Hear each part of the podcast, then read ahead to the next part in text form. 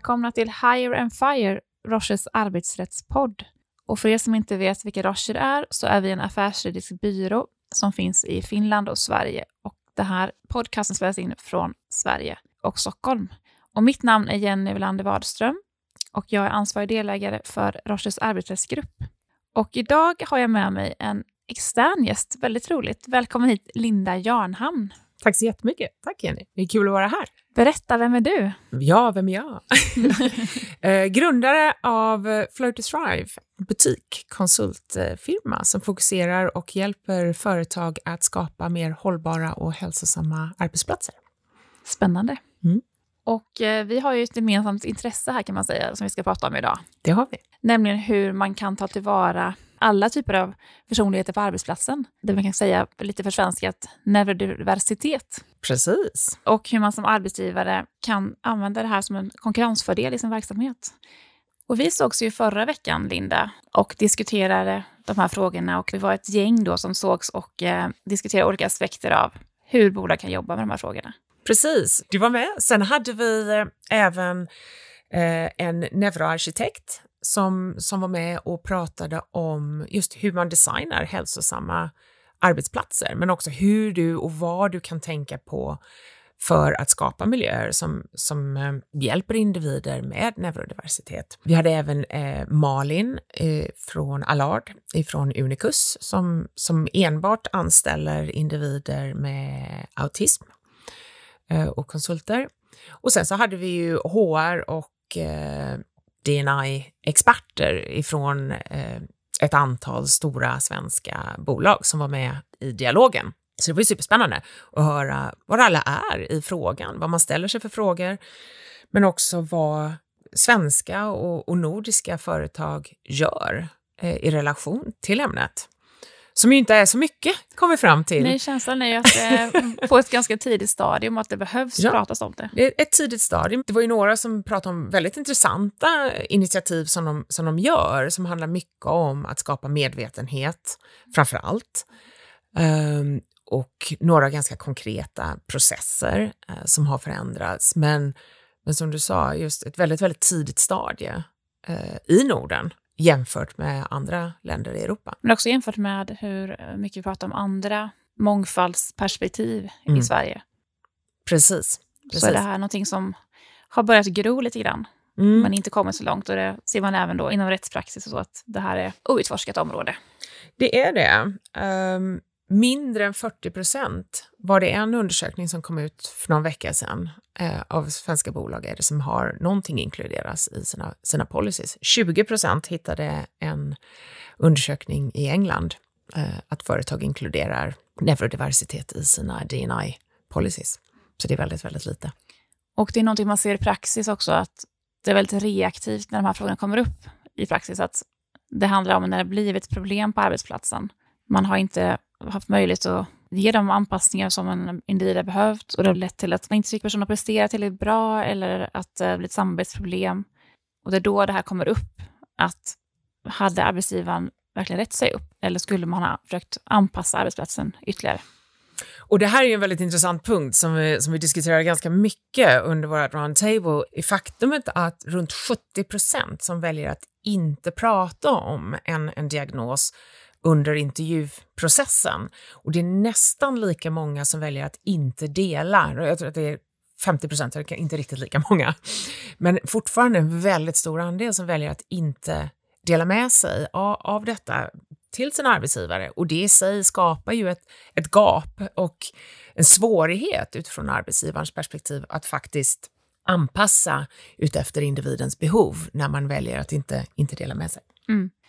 Så den första pucken måste komma över, att man ska våga vara öppen. Och det kräver ju väldigt stora förändringar i kulturen kanske ibland hos företag, men också hos den individ som upplever att inte har möjlighet eller vågar säga vad den behöver för anpassningar. Precis, och, och det var ju väldigt intressant i vår undersökning som vi, som vi gjorde innan eh, vårt event förra, förra veckan, just att 39 procent, enbart 39 procent anser och känner att de har en kultur och ett arbetssätt som faktiskt är öppet, där man känner att man kan dela med sig. Men vad är då neurodiversitet? Ja, det är den stora frågan. Man kan ju ta ett stort och ett brett perspektiv eh, i det här. Eh, vi tar ju generellt sett ett ganska brett perspektiv där vi tittar på det utifrån hur hjärnan faktiskt är strukturerad och formad och att våra hjärnor är väldigt lika och lika strukturerade, men att vi alla är genetiskt, epigenetiskt, neurologiskt och fysiologiskt olika. Så att på samma sätt som att vi är lika är vi också alla väldigt, väldigt olika och, och våra behov eh, är därför också väldigt, väldigt olika. Och, och, det är det perspektivet som jag tycker är intressant att ta utifrån ett arbetsgivarperspektiv. I Sverige pratar vi väldigt ofta runt NPF, vi pratar oftast diagnoser och, och ofta från ett diversity-perspektiv så gillar vi att, att boxa in en definition. Men jag tycker här behöver vi ta ett mycket bredare perspektiv. Ur ett legalt perspektiv är det begreppet funktionsnedsättning då som är den term som ligger närmast i hands. Och det är också det begrepp som används i diskrimineringslagen och där personer med neurodiversitet kan få skydd. Men vi har också begreppet funktionshinder och funktionsvariation. Men idag vet ju alla också att ha ett team som består av personer som är olika och kan bidra med olika perspektiv är väldigt bra för verksamheten. Och leder till mer kreativa idéer kring hur man ska lösa olika utmaningar man står inför. Och även forskning visar ju väldigt tydligt att, att det är en, en fördel i att ha diversifierade grupper i, inom en organisation. Och, och det finns till exempel en studie som visar på specifikt neurodiversitet som ökade produktiviteten eh, när man hade ett ökat antal individer eh, med eh, någon form av funktionsvariation, att man ökade produktiviteten med upp till 30 procent, vilket ju är enormt. Neurodiversitet är ju som varit inne på ett väldigt brett begrepp. Men det är inte alla som faller inom det skydd som diskrimineringslagen ger, utan här har man då ringat in en smalare krets av personer. Och det är alltså de som anses ha en funktionsnedsättning. Och den främsta avgränsningen är då att det ska vara en varaktig begränsning av personens funktionsförmåga. Så personer som tillfälligt mår psykiskt dåligt omfattas inte. Och inte heller eh, de som förväntas återhämta sig fullt. Till exempel om man har en tillfällig begränsning i sin kapacitet efter att ha varit utmattad eller utbränd, så omfattas man inte av det här skyddet. Så då är man inte inkluderad helt enkelt? Nej, precis. Eh, eller täckt under lagen? Nej, utan det är mer de här, den gruppen som kanske har en diagnos, för där är det väldigt tydligt att det är en varaktig funktionsnedsättning som man har. De skyddas av diskrimineringsskyddet i diskrimineringslagen. Då. Så, så det här är ju väldigt intressant om man tittar på Va, vad menar man med funktionsnedsättning? Rent kognitivt så är ju det någonting som kanske inte syns på samma sätt som om att du har en annan typ av funktionsnedsättning. Precis, och det där är ju också en utmaning i det hela. Att om någon har ett fysiskt funktionshinder så är det väldigt tydligt för alla, men här är någonting som arbetsgivaren måste få reda på för att skyddet ska kicka in också. Mm. Och diskrimineringslagens skydd för de som har en funktionsnedsättning består av lite olika delar. Det finns ett skydd mot trakasserier, där arbetsgivaren har en skyldighet att utreda om det finns en misstanke om att någon har blivit trakasserad på grund av funktionsnedsättning. Det finns också skydd mot direkt och indirekt diskriminering. Och exempel på direkt diskriminering kan ju vara att en person inte får ett jobb på grund av att den har en funktionsnedsättning. Till exempel då om någon berättar om sin diagnos på en intervju och det leder till att en annan kandidat väljs.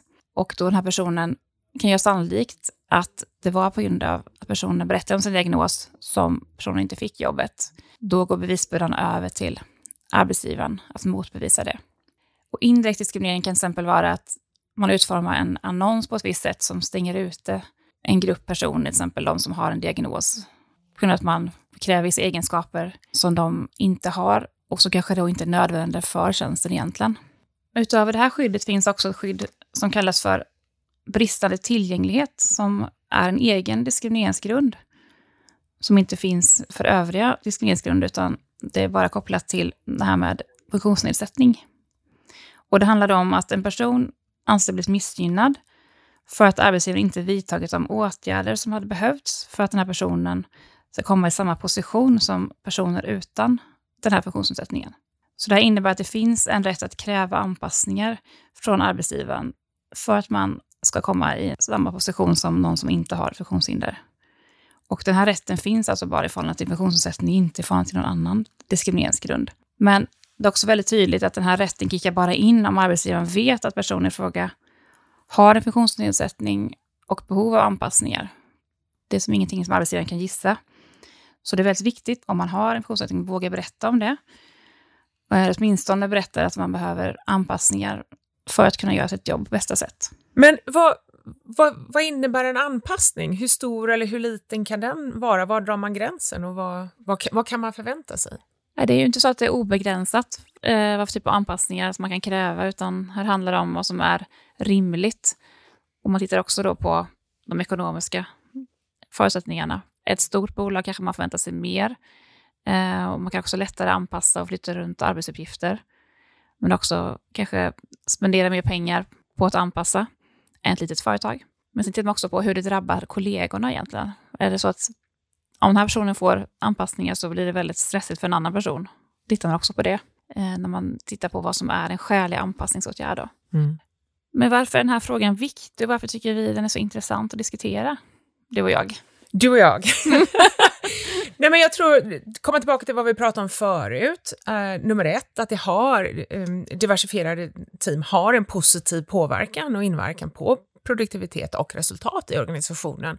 Men också, som är viktigt för framtiden, just att om man tittar utifrån ett möjlighetsperspektiv, kompetenser som behövs i framtiden, men även redan idag, är många av de kompetenser som ses och som är styrkor hos många individer med framförallt någon form av diagnos, om vi tittar på ADHD, ADD, eh, autism till exempel, så, så är det, om vi tittar på kreativt tänkande, motivation, självmedvetenhet, detaljfokus, eh, möjlighet att kunna fokusera, som också kan, på andra hållet, att man är lätt distraherad. Men just om man tittar på just styrkorna så är det styrkor som, som är någonting som förväntas eh, öka i, i behov i framtiden. Ja, det låter väldigt relevant för mm. det vi står inför nu. Mm. Men eh, det är också så att många arbetsgivare har lite svårt med hur de ska hantera den här frågan. Det känns som en känslig fråga. Eh, hur ska man se till att de här personerna verkligen får komma till sin rätt på arbetsplatsen? Och det är också så att det är ett problem idag att väldigt många som har en funktionsnedsättning, psykologisk sådan, står utanför arbetsmarknaden. Och sen även när du är i en organisation så är det väldigt, väldigt många som har en känsla av och känner att de inte, eh, de inte får användning för sin, sin kunskap och sin kapacitet. Helt enkelt inte kan vara sina bästa jag på, på arbetsplatsen och faktiskt prestera. Mm. Så det finns ganska mycket att jobba på här för att verkligen hamna i det läget att vi kan ta tillvara även den eh, gruppen av personer. Och det kommer vi behöva i framtiden med att vi har kompetensbrist också. I den här undersökningen som ni gjorde så kom det ju fram väldigt bra saker kring vad som kan utgöra en bra arbetsplats och som egentligen gäller alla, men som särskilt gäller dem som har till exempel en diagnos. Precis. Nej, men så vi gjorde ju en undersökning under mars månad där vi gick ut öppet med en, en kvalitativ undersökning för att få in information ifrån individer som identifierar sig att, att ha någon form av neurodiversitet Eh, och frågade just frågor runt arbetsplats, eh, så en organisations kontor, men även hemmaarbetsplats och den digitala arbetsplatsen. Vi frågade frågor runt kulturen eh, och även vanor som individer har utanför jobbet, för allting påverkar ju i slutändan hur, hur vi mår, alla som individer. Och, och väldigt, väldigt intressant, det var otroligt tydliga svar, framförallt konsekventa svar. Och det handlade ju om just eh, precis det vi har pratat väldigt mycket om, öppenhet, tillit och en stödjande attityd och, och miljö som nästan 90 procent av våra deltagare sa var någonting som var väldigt, väldigt viktigt för dem för att kunna må bra och prestera bra på arbetsplatsen.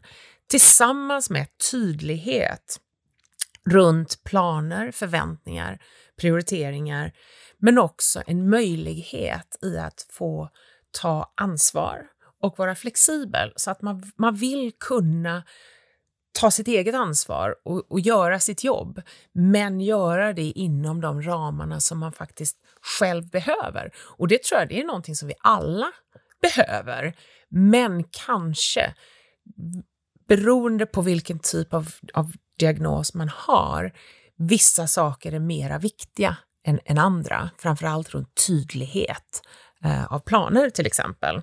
Och, och, det tycker jag är väldigt intressant i relation till vad vi, vad vi pratar om och vad du pratar om i, i form av utmaningar. Och, och som vi pratade ganska mycket om under vårt roundtable i att hur, hur gör man det? Hur skapar man den här kulturen? Och, och, att man faktiskt väldigt sällan börjar i den änden. Vi börjar väldigt ofta runt ett problem, att det, det, har hänt någonting och där tar vi tag i, i frågan. Eller att vi börjar med att strukturera policies och, och processer eh, och framförallt titta på rekrytering till att börja med istället för att gå ner till, till kärnan av, av organisationen och, och faktiskt saker som påverkar oss alla positivt. Men vad konkret är det man ska tänka på då om man förstår den här eh, undersökningen rätt? Vad, vad, vad kan arbetsgivare göra då för att skapa bättre arbetsmiljö som passar alla, men speciellt de då som kanske har en diagnos? Jag, jag tror framför allt fokusera på, på det vi precis pratade om, att skapa hälsosamma arbetssätt. Eh, men också en, en annan punkt som vi inte pratar om, eh, just också titta på miljön och arbets miljön runt omkring i den rent fysiska miljön där framförallt ljud som en avbrytande faktor är väldigt, väldigt prevalent i, i, i svaren där nästan, ja, nästan 90 procent pratar om att man vill ha tyst runt omkring sig och lugnt. Bo, lugnt både vad det gäller det visuella men också ljud runt omkring en. Och, och många pratade och bad om just det här att man vill ha ett eget kontor eller hörlurar, allt för att det ska bli lugnt och tyst runt omkring sig. Så vad ska man fokusera på? Jo, jag tror just titta på miljön, ta bort och försök reducera sånt som faktiskt skapar um, ett brus. Ett brus, precis! Skapa en miljö där man inte konstant blir avbruten. Mm. Och sen så just på, på hur man jobbar. Och där tror jag till din, till din punkt, Jenny, det är där man kan skapa ett arbetssätt som faktiskt är bra för alla. Men att man gör det på ett sätt som utgår ifrån hur, hur hjärnan faktiskt fungerar. För vad vi vill och vad vi tycker är inte alltid vad våra hjärnor tycker och vill att vi ska göra och, och jobba på. Så att vi förstår alla, alla bättre vad som faktiskt får oss att prestera bättre och må bättre samtidigt. Och som sagt, det är något som alla behöver egentligen. Ja. Och då kommer man lite ifrån det här också, att man måste veta exakt vad varje individ har för, för behov. Om man jobbar mer brett. Precis, och jag tror där kan man ju undkomma en av punkterna som vi inte än har täckt, tror jag, just runt hur samlar vi in data? Eller kan vi mm. samla in, in data? Där man faktiskt jobbar med att skapa en, en kultur och en öppenhet där vi alla är mer medvetna, kanske också lite mer nyfikna på varandra i vad som får oss alla att, att må bra och vad, vi, vad våra kollegor behöver. Um, mm. Och, och, om, vi, om vi då skapar det så kanske man kan balansera det med uh, faktumet att vi inte kan fråga frågor just runt diagnoser och, och behov. Men det får du elaborera lite mera på. Det ska jag göra. Mm. Nej, men som sagt så behöver man ju som arbetsgivare veta egentligen vad en person har för utmaningar för att kunna göra de rätta åtgärderna. Man, man kan jobba väldigt brett också, men ibland så kanske ändå krävs mer anpassade åtgärder. Men då är ju problemet att man inte får fråga egentligen, eh, åtminstone inte samla in data om det här som man då processar i sina system. För där kommer det GDPR in i bilden. Och det här är ju en sån känslig personuppgift som man inte egentligen får som huvudregel processa eh, i sina system. Men det bygger väldigt mycket på att individen själv berättar för arbetsgivaren om, om man har en diagnos till exempel. Eh, och sen ska jag absolut inte föra bok på det här utan snarare kanske då dokumentera det som man kommit överens om, vilka typer av åtgärder man behöver, men inte själva liksom, diagnosen eller hälsotillståndet. Det är för känsligt att dokumentera det, så det får man liksom inte göra. Det är bättre att försöka hålla sig till det konkreta som man verkligen kommer överens om med en, med en anställd som man ska jobba med för att underlätta för personer på arbetsplatsen. Sen kan det vara så att man har möjlighet ibland, om man har en skyldighet som arbetsgivare att hålla reda på den här informationen så kan man ha rätt att eh, också processa informationen enligt GDPR. Men det är väldigt svårt att veta vart gränsen går så att man ska vara väldigt försiktig. Och istället fokusera på de här åtgärderna man bestämmer då, vad behöver den här personen för att lyckas i sin roll. Och då är vi tillbaka till att skapa den miljön och den öppenheten så att man faktiskt vågar prata och vill prata eh, och gör det till en, en, en positiv del i, i, hur man skapar en positiv arbetsplats och arbetsmiljö.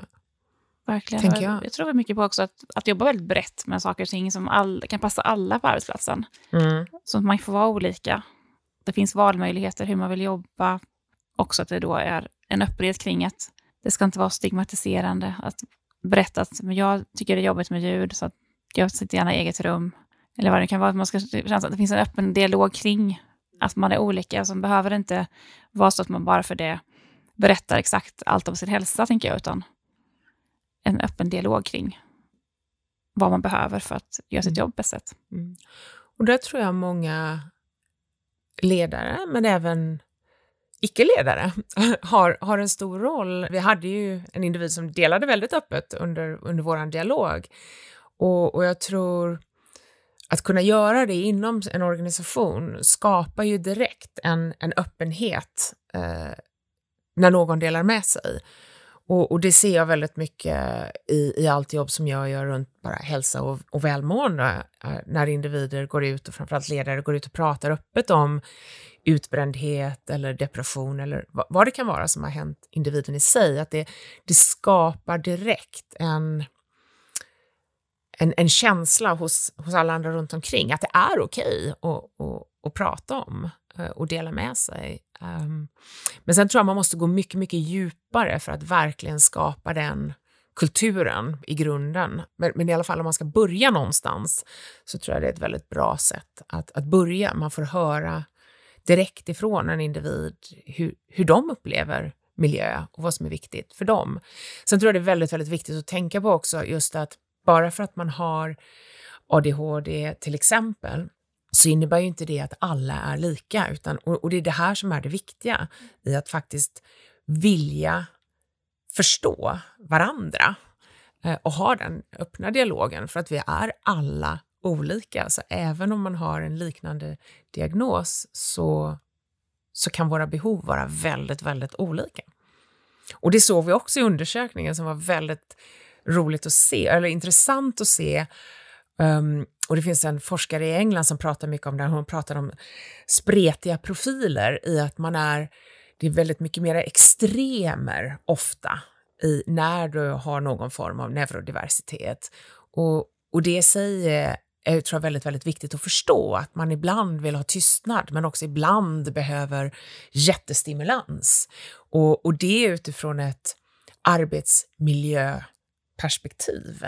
Rent den fysiska arbetsmiljön kan ju vara en ganska intressant utmaning som Lukas ju pratade om eh, under vår session.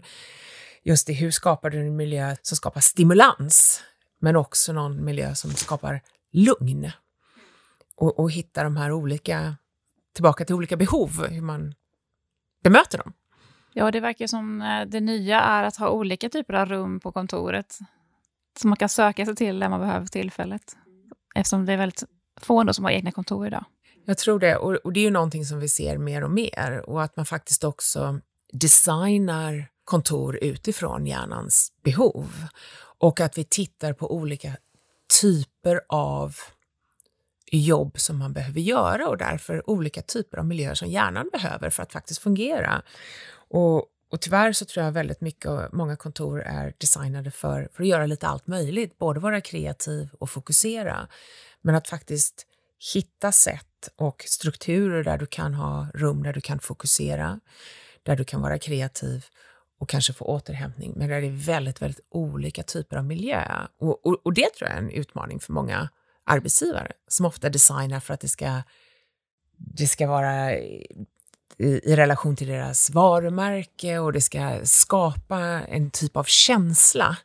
Men man skapar inte alltid en miljö som är bra för, för att våra hjärnor ska fungera bra. Och det är ju faktiskt de som gör jobbet. Absolut. Men det finns alltså arkitekter som bara funderar på de här frågorna i princip. Mm. Hur man designar ett mm. kontor som gör att eh, våra hjärnor mår så bra som möjligt. Mm. Det är helt fascinerande. Mm. Så vi behöver, vi behöver ha grunden i, i, i alltihopa och vi behöver skapa arbetssätt som är formade utefter hur hjärnan fungerar och vi behöver ha arbetsmiljöer som är designade utifrån hur hjärnan fungerar.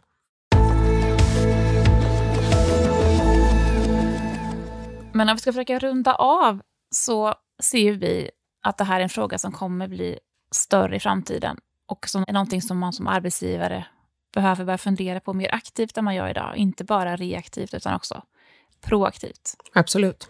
Jag tror inte ens i framtiden, utan jag tror att det är i, i nutid mm. som vi faktiskt behöver göra det. Och du, du har ju ett val som arbetsgivare att du kan vänta tills alla andra börjar fokusera mer eller faktiskt vara den som börjar ta riktigt stora kliv nu och, och först. Och, och, det är ju som, som vi pratar om, just var, var börjar man? Och vad är det som, som är viktigt? Och, och jag tror om man tittar framåt och om man tittar på vad som brukar hända, det är att man, man brukar prata väldigt mycket. Det är där saker börjar. Om vi tittar på sustainability, om vi tittar på hälsa och välmående, man pratar oftast väldigt länge och som någon sa som hade hade diskussion med för någon vecka sedan, pratade om just det här att vi gillar att hitta komfort i våra gemensamma utmaningar och därför fastnar. Och, och det tror jag vi har en stor risk att göra i det här om vi inte börjar ta de lite större kliven och fokusera på de områdena som faktiskt är, är viktiga. Och vad jag ser utomlands är många fokuserar på att titta på rekrytering. Det är den första delen som, som, som många börjar titta på. Hur kan vi få in fler individer i organisationen? Och det är jätteviktigt i, i att adressera problemet runt att det är många som är arbetslösa eh, och utanför arbetsmarknaden. Men jag tror ännu viktigare, först är lite som när man sitter på ett flygplan, är att vi faktiskt tar hand om dem i en, i en emergency, att man tar hand om sig själv först och att vi, vi tar hand om och tittar på organisationen internt först. Så tillbaka till där vi var tidigare, just att, att skapa rätt kultur, att skapa rätt miljö, Eh, där alla kan må bra och där alla känner sig komfortabla i att ha en öppen dialog, oavsett vem du är. För att sedan kunna gå ner på individnivå och faktiskt ge individanpassad eh, anpassning. um, där tror jag att de flesta faktiskt ska börja i att adressera just kulturen och, och arbetssätten.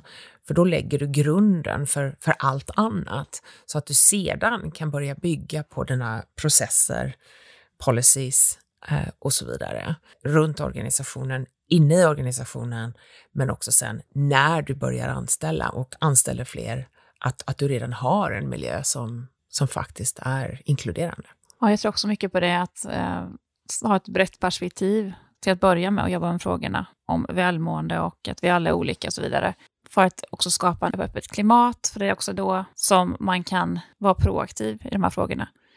Så inte hamna där att det är först när det inte funkar på arbetsplatsen och man sitter i en tvist med en anställd som det kommer fram att personen egentligen hade behövt mer stöd. Mm.